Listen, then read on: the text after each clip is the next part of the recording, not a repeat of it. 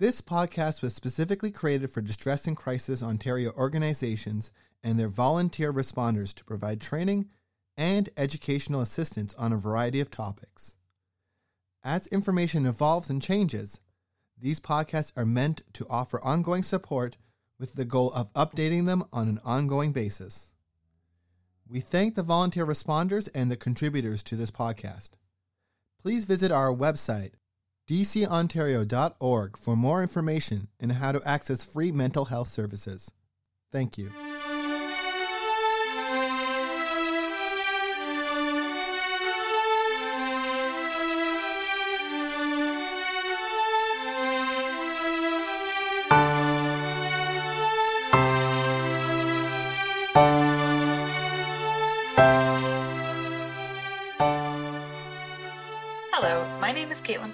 And I am the Program Manager at Distress and Crisis Ontario. Thank you for choosing to listen to our podcast. Today, we are wrapping up, for now, our ongoing conversation about female friendships and connections to honor International Women's Day, which was celebrated on March 8th. This week, I am joined by two friends who may seem like an unlikely duo given their differences in background, culture, and lived experiences, but who have built a strong connection regardless for over four years. Thank you, Neta and Elma, for joining me today. I'm looking forward to learning from the two of you. I'd like to start us off with two quotes. The first is from an article from the online magazine The Juggernaut, which Neta shared with me, and talks about the practice of Shoy Patano, this formal ritual of friendship was common among mostly upper and middle class Hindu Bengali women in the late 19th and early 20th centuries. They gave each other gifts, christened each other with pet names, and became each other's most trusted confidants. At a time when relationships were foisted upon women through marriage, these friendships were in a category of their own. Unbreakable bonds Bengali women had chosen for themselves. Centuries later, these rituals and traditions have faded away. In a society that pits women against one another, Shoy Patano reminds us of a different time. The second quote comes from First Lady Michelle Obama and was shared with me by Elma. Friendships between women, as any woman will tell you, are built of a thousand small kindnesses, swapped back and forth and over again. So thank you, ladies, again for joining me today. And right off the bat, I'm going to ask how do these two quotes make you feel about the friendship you have with each other and other female friendships in your lives? Want me to go first, Elma? Sounds good. Yep. Awesome.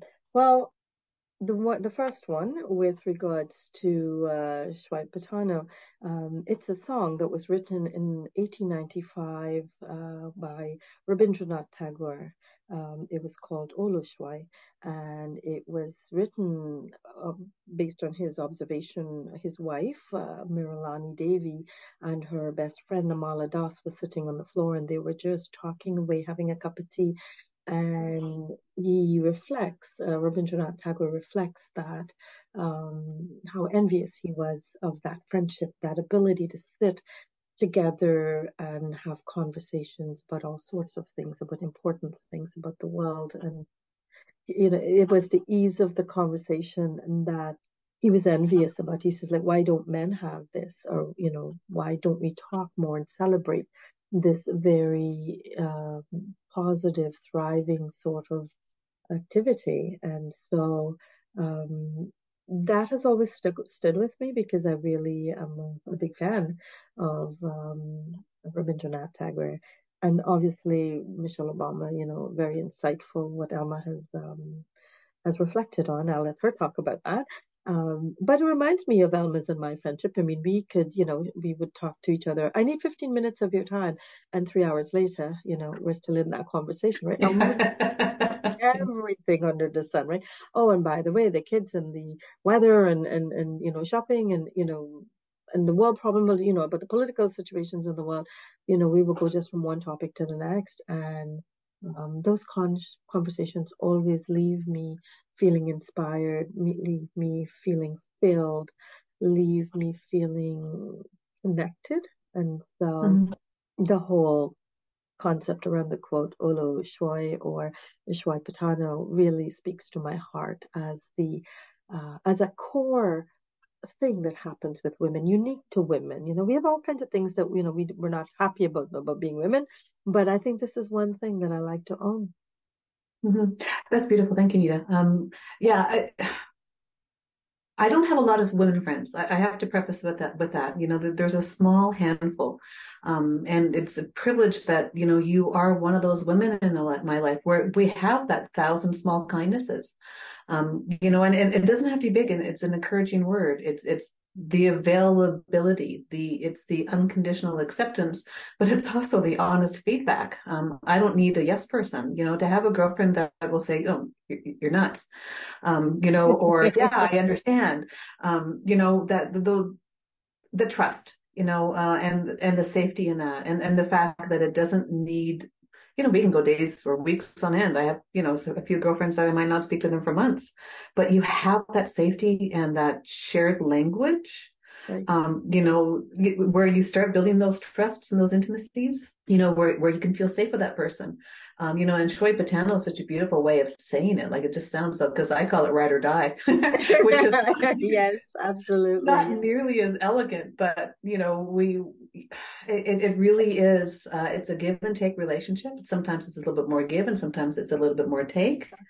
Um, but you know, that understanding um, and it's not only shared experiences it's also the diverse experiences you know because we have a lot of differences in that richness um, I, I, love the fact that your lived experiences in so many ways are very different than mine so you know you can tap areas i've not been and you know it, it goes back and forth both ways I agree. It's the way that uh, you inspire me to grow. You know, we laugh about it a lot, mm-hmm. um, mm-hmm. about the, you know the difference in our perspectives and how we would um, address something in particular, um, it, it makes me stop and think, and I think it makes me a better person. So, both of you touched on this a little bit already in the responses that you gave, but what are some of the similarities that you see between this tradition of Shway Patano and those thousand small kindnesses mentioned by Michelle Obama?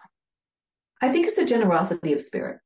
Um, you know, the the willingness I we talked earlier about, about the give and take, but the understanding that um, relationships take time. Um, they take effort. Um, it doesn't have to be big, but it, it's that that making available. That you know, when I say to you, "Call me anytime," I mean, call me anytime. Right.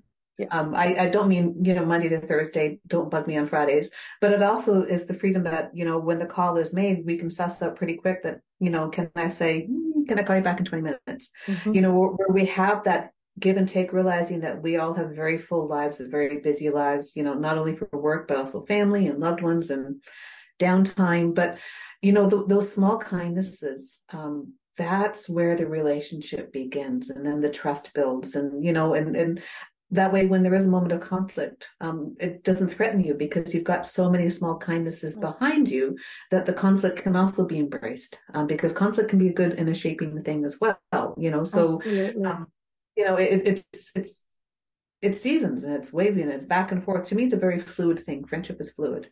Yes, it's that place of growth, right? Like that potential for growth and thriving. Is that mm-hmm. kind of it, it's a word that I really like. You know, how do you thrive? Like how do you live?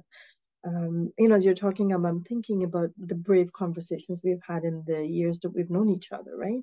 Um, how you know the small kindness is about how we come to that conversation, you know, what we bring. We bring a vulnerability and, and courage uh, to be honest with each other. You know, like we could sort of say, oh, yeah, everything is fine or everything is not fine, you know, like either way.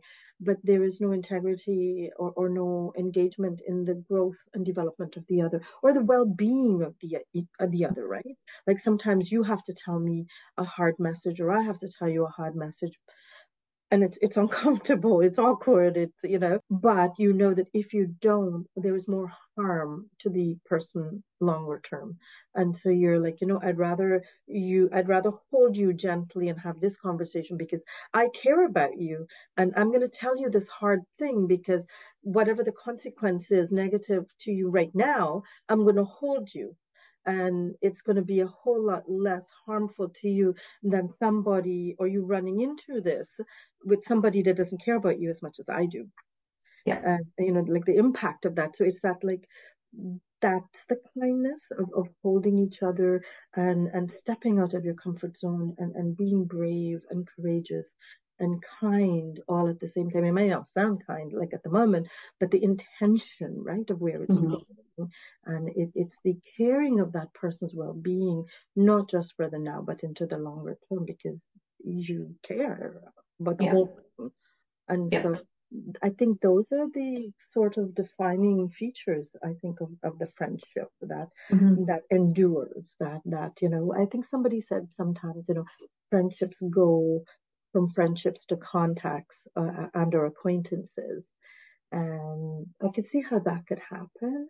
Um, Mhm. But I think then there is that um, Swepatano relationships that are enduring, right? As you spoke earlier on, Alma, you don't have to talk on the phone each, you know, each day or five, every five days or whatever, but you're there. You just know that, you know, whenever Mhm. it's needed, um, it's there and you can count on it. So the reliability about it as well is what's important, I think. And, um, and I think would speak to those small, you know, thousands of small kindnesses.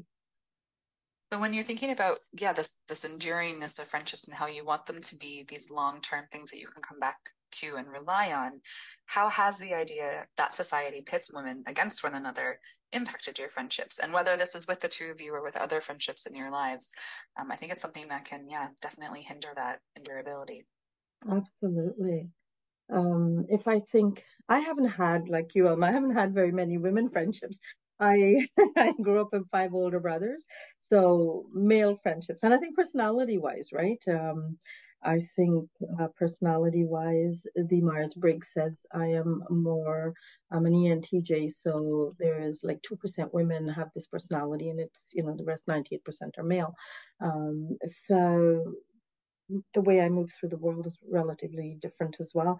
But I think when I think of some of the friendships that I've attempted that hasn't worked out in terms of how society pits women against each other is we view women's role as serving and we don't provide knowledge and information and spaces upon which women will support or are encouraged to support each other. You know, so um, I heard somewhere that, you know, as a woman, you don't dress up for men actually. So men should like stop thinking about that. You dress up for the women because you're thinking what the other woman is going to think about you. Um, and I'm thinking, well, no, like how about we come from a collaborative uh, sort of, uh, you know, an inspiring, like to be able to say, woman, I like what you've just done. I really admire what you've just done. How did you do that? You know, tell me, like, how do we talk to our daughters and our neighbors' daughters and our, you know, people to share this way of knowledge? Because if I think about it, um, we don't talk about childbirth, like those big, big things that women go through, right? Um, that has large impacts on their lives. We don't talk about romantic relationships, you know, how to build one, how to sustain one, how to end one when it's not working for you. You know, we don't talk, we don't share our life experiences because we don't want to talk about the vulnerabilities that we've experienced, right? Mhm. Uh, there's this image that we are encouraged to maintain. Opportunities for women are very limited, and it's like we have to compete with each other to get there, you know? Yeah. So, you know, we're not going to tell our secrets or what we've learned or the things we've learned we're shamed for, right? We're, we're told that, you know, um, no, you don't talk about those things or, you know, that's not a thing. You know, you're shamed for, for feeling, um, you know, if, if you feel like you don't want to care give, you know, you don't talk about that because you're supposed to care give. So if you don't have that gene and you don't want to do it for whatever reason, you want to pursue your career or, or, or you just don't want to do anything. We're shamed to to have those conversations to talk about the why and how we can support each other. So I think the way society is stacked, it's a patriarchal society, and and women's role is about serving and it's about you know being isolated, and we isolate each other, and then when we are not isolated with each other, we're competing for a limited resource of the same thing. And Mhm. so Yeah, I, I I would see the same. Yeah. You know, and ageism comes into it too. You know, now that I'm in my 50s, I, I find that women in their 50s maybe interact a little bit differently than they would in their 20s or 30s. Thank goodness. Mhm. Um, you know, but because girl drama is something I've, I've never fully understood or embraced. And, you know, thankfully my first two children were boys because I wasn't prepared. then I got my girl. But um, just watching it through, there just seems to be sometimes an innate, you know, within how the school system sets it up, sporting teams, everything. Uh, mm-hmm. Uh, women and girls seem to be pitted against each other, mm-hmm. and you know, we're mm-hmm. told a certain body image, we're mm-hmm. told a certain hair color and a hair type. Um, you know, all these different things. We're supposed to make ourselves available to guys. You know, because I remember in high school, as soon as you got a boyfriend, your girlfriend's got dropped um, mm-hmm. because the boyfriend became the center, you know, and all all these subtexts in there, so that it's really really hard for women all of a sudden to set aside all of that subtext and that programming and trust and embrace mm-hmm. and accept. Yes. You know, because it's it's and it's it's tragic and it's sad, and and the only people that can change it is is, is us, like women right. need stand up and say, no, no, this is this is nonsense. You know, and like or dislike, we should still be able to respect and support. Yes, I agree with you. Um, I really loved watching the movie 80 for Brady. Uh, you know, four older women, um, Jane Fonda, Sally Fields, uh, Rita Moreno, and Lily Tomlin. Um, and there was supposed to be a bunch of, uh, you know, older women going to see Tom Brady. And so there was a lot of conversations, lots of interviews and, and those sorts of things um, with them to talk about like four older women and, and, and the way they portrayed the women in the movies as well and how did they feel about that. I remember uh, Jane Fonda saying, you know, women when they talk with each other, they look at each other. you know, they, they, they turn around and they look at each other. Whereas men, when they're having a beer or going to a, a you know, shore or something, they are facing away from and so, what does that mean for the way we are relating to each other as opposed to having a transactional type relationship? And it was, you know, and those four women spent a lot of time talking about their age and their friendships. You know, mm-hmm. it speaks to your your comment, Alma, about being 50 and over and, and how you rethink the world, right? Like how you relate mm-hmm. to the world and your value and self-esteem and, and whether we're climbing the corporate ladder at that point or, you know, raising children and those sorts of things. And they really talked about how long they have been friends and how much they love working with each other and how much they appreciate what each other bring. And boy, there's so much fun. When these four women are talking together, they're laughing the whole time at their strengths and their weaknesses. And so it's what, you know, you spoke of earlier about how we hold each other, right? The small kindnesses of how we hold each other in our vulnerability and we celebrate each other in our strengths, right? And there's a lot of humor while this is all mm-hmm. happening. So, like, not, you know, not negating the effect or the impact of humor on the whole thing. Laugh or cry, you know, I'll take laugh any any day of the week. It's yeah. you know, it's yeah. powerful. But uh, yeah. but no, and but but what you had said earlier, but so many things we don't talk about, you know, like I'm in the wonderful world of menopause. Um, yeah, but me too. yeah, you know, and, and to, to, find someone you know who have an open and honest discussion about the misery of it, but also you know it, it's it's a transitional point. Like this is mm-hmm. a significant transitional point for a woman. Like you know they you know puberty we don't talk about enough either. Quite honestly, um, exactly. um, you know, yes. onset of menses and you know all those things but you know here we go through major differences in our re- reproductive cycles what it means as a woman and as our bodies change and no one's talking about it yes. Um, because you know that standard is set that we all need to be 24 and fit and beautiful and tall and this that and the other mm-hmm. um, there is a beauty in the 50s there's more beauty in the 60s and 70s you know but we don't want to talk about that well i think research says that we are at our most brilliant brain wise from 60 to 70 so we're coming into it, Alma. We've got something to look forward to. we still have to peak. Yay! but I think a lot of research is done by men for men, right? Because Absolutely. Into a patriarchal world, even the way they medicate us, right? Yeah. Um, it's not taken into consideration our hormonal systems and the effect that has on our bodies. I mean, it's only very recently that we talk about alcohol consumption and how body fat and muscle mass, you know, affect the absorption and metabolism of alcohol and how it will affect women differently um, than it would men. But and there's so much more to learn, right, about how as women we through the world physiologically, psychologically, emotionally, sexually, all of those sorts of things differently than men. But the standard, like, you know, the, the, the baseline is men, and we're trying to fit ourselves into it. And it's because yeah. we're having these sorts of conversations openly that we're understanding that yeah, no, our baselines are not the same as men. It's different. And if we understand it, it's actually life giving rather than life threatening. So, Mhm. yeah. so thank you, Caitlin, for having this conversation with us. Absolutely. Thank you for, yeah, joining me. So, have the two of you faced any challenges or barriers in building a friendship given your different backgrounds? I mean, I'm Alma, you and I, I think one of the things that I love about you is your willingness to have open conversations. But Mhm. we've had challenges. I mean, when we first met Oh, absolutely. Our the, the circumstances under which we met each other was not the most pleasant. Uh, you know, we were literally pitted against each other in a number of ways, and Mhm. we found spaces within which to. I quickly was able to recognize. I can speak for myself, Alma. Um, I quickly recognized the skill sets that Emma brought with her, um, and that was amazing. That I appreciated and inspired me, and and thought um, I wanted to do this, and that I was going to invest in this relationship.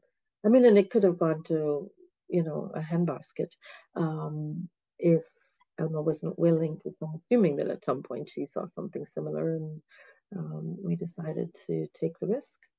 Very much so. Like, yeah, because our friendship started in a conflict situation, not between Neta and I, but in a larger context. Uh, and very quickly, I saw that, well, first of all, that Neta is a woman of her word. Um, and male or female, there's not many people that when they say something, they do it. Uh, and if they can't, they explain why, you know, so that led to trust. And as soon as you have trust in a relationship, then you can build on it. Uh, you know, and we have kind of a, a shared warped sense of humor, um, which goes a really long way. Um, and I, I think personality types, you know, I'm, I'm a choleric, I'm Dutch, I'm blunt. Um, you know, and, and Neta and I very clearly established, say to me what you need to say. I'm not going to be hurt. I'm not going to be offended. And we can go either way on that. So, you know, is that typical in a female relationship? I don't know. Uh, I know that for us, um, some people might be, who might eavesdrop some days might go, oh, wow. Um, you know, They but must I not like each other much. you know, I trust her. Uh, and to me, trust is foundational for everything. Uh, you know, and that, that, you know, and then when there's a glitch or there's a misunderstanding or there's a flat out conflict, that's okay because the trust is there. And of course, there's respect and that's brought now into, you know, a like and then a genuine love, um, for who Neta is and how she's worked, worked through the world because she's come through a very different cultural world than I have, and her experiences are different. And I have a unique lived experiences that she had, and and the fact that we can share that with each other, you know, it, it to me it's a beautiful thing. So were there challenges? Yeah, I think any relationship should have challenges because then you've got something that you've got it built on, you know. Yeah, like you're Um, and actually that trying to just get you're trying to get to know the person like you're actually getting to know the person in, Yeah. in all of its shapes and forms and nature that you know we're not super it's not superficial. Like we have deep conversations i think. Um i mean i always say like you're the nicer part of me um which doesn't come out that often. Um yeah. i rely no, on but- you to be the nice but, person but you know to the core we're both painfully blunt you know? Um Yeah. it, and and that's uh, we're both very very blunt. Uh, that seems to work you know? Yeah. like Yeah. every woman's friendship is a little bit different but yeah yeah it's it's okay I, I I think you've really touched it in the, like at the core is our respect for each other and deep care for Mhm. each other, um, like a safety in having conversations. And for me, the value in that is that it inspires me to be better. It Mm, inspires me to grow and to learn. And and um, and I look at um, a lot of life choices you've made and a lot of ways in which you would approach a circumstance or a situation that from my heritage and my background and my lived experience, I might not do it that way. Um, and so it, it, it helps me to grow and be a better person. thank you so and you know what our our core bonding is we both love dogs so and we like big dogs stupid big dogs Big ones. you know, but as our lives has overlapped, you know, we've gotten to know each other's children, and you know, Neta's starting to get to know some of my grandchildren, and yeah, our it, it just the, the circle broadens, but at the core of it is you know our relationship. Um, Yeah. But it's it's a beautiful thing. It's a beautiful thing. Like how Neta has worked works through the world and moves through the world is inspiring to me. Ditto. Ditto. That was wonderful to listen to, just so both of you know. Um, and my last kind of big question in tying this into International Women's Day, which honestly, our whole conversation today has really brought this forward. So I don't know that you have much more to add because we've definitely touched on it already. But the theme for International Women's Day this year is to hashtag embrace equity. So how do you think this theme factors into our friendships and other relationships? And, and the way that I have been hearing it from both of you this whole conversation is respect and those small swaps of acts of kindnesses to put everybody in a place of equity and having that understanding and having those conversations. So I feel like you've already laid a fantastic foundation for for showing equity in a relationship. But I'm just wondering if you, yeah, either one of you or both of you have anything more to add to that. I think one of the things, one of the common values for both Elma and I is for us, International Women's Day is not a day. It's mm-hmm you know, it's every day of our lives, given our lived experiences, we you know our, our individual backgrounds, but for different reasons, we value uh, women, we promote and um, serve equity for women. So it's an everyday um, sort of thing. Um, and so that's one common theme I think the both of us have. Like whenever we're having conversations, we come from that common ground about how can other women gain from this? You know, what can we do to make the lives of other women, despite where they're coming from, race, color, gender, or sexual identity, you know, any of those sorts of things? How can we promote that, or how can we facilitate them getting what it is they want? And so, both of our lives, professionally and personally, historically, current, and as we look into the future, um, has that common theme. Like that's a value that we both have and um, it's kind of fun to work together doing that because we come at it from different perspectives, doing different things. Um, but it's like we're a house on fire and we're talking about something. Well, what about this? Well, yeah, and we can do this, and how about we do that, and we can tug that, and and it's just like a house on fire, and so love it. Yes, very much so. Um, it, it, you have to with intent, um, you know, and what I see that Anita is, is, is, yes, there is very much intent to her life. There's there's nothing that she does by chance or by not to say there's not spontaneity and whimsy and everything like that, but um, particularly she has framed her life with intent as a woman. Um, you know, and as with five older brothers, uh, it's given her a resilience and an insight, uh, you know, that not many women have um, you know, and then also just with her broader lived experiences and and and you know mine as well. Uh, equity is crucial.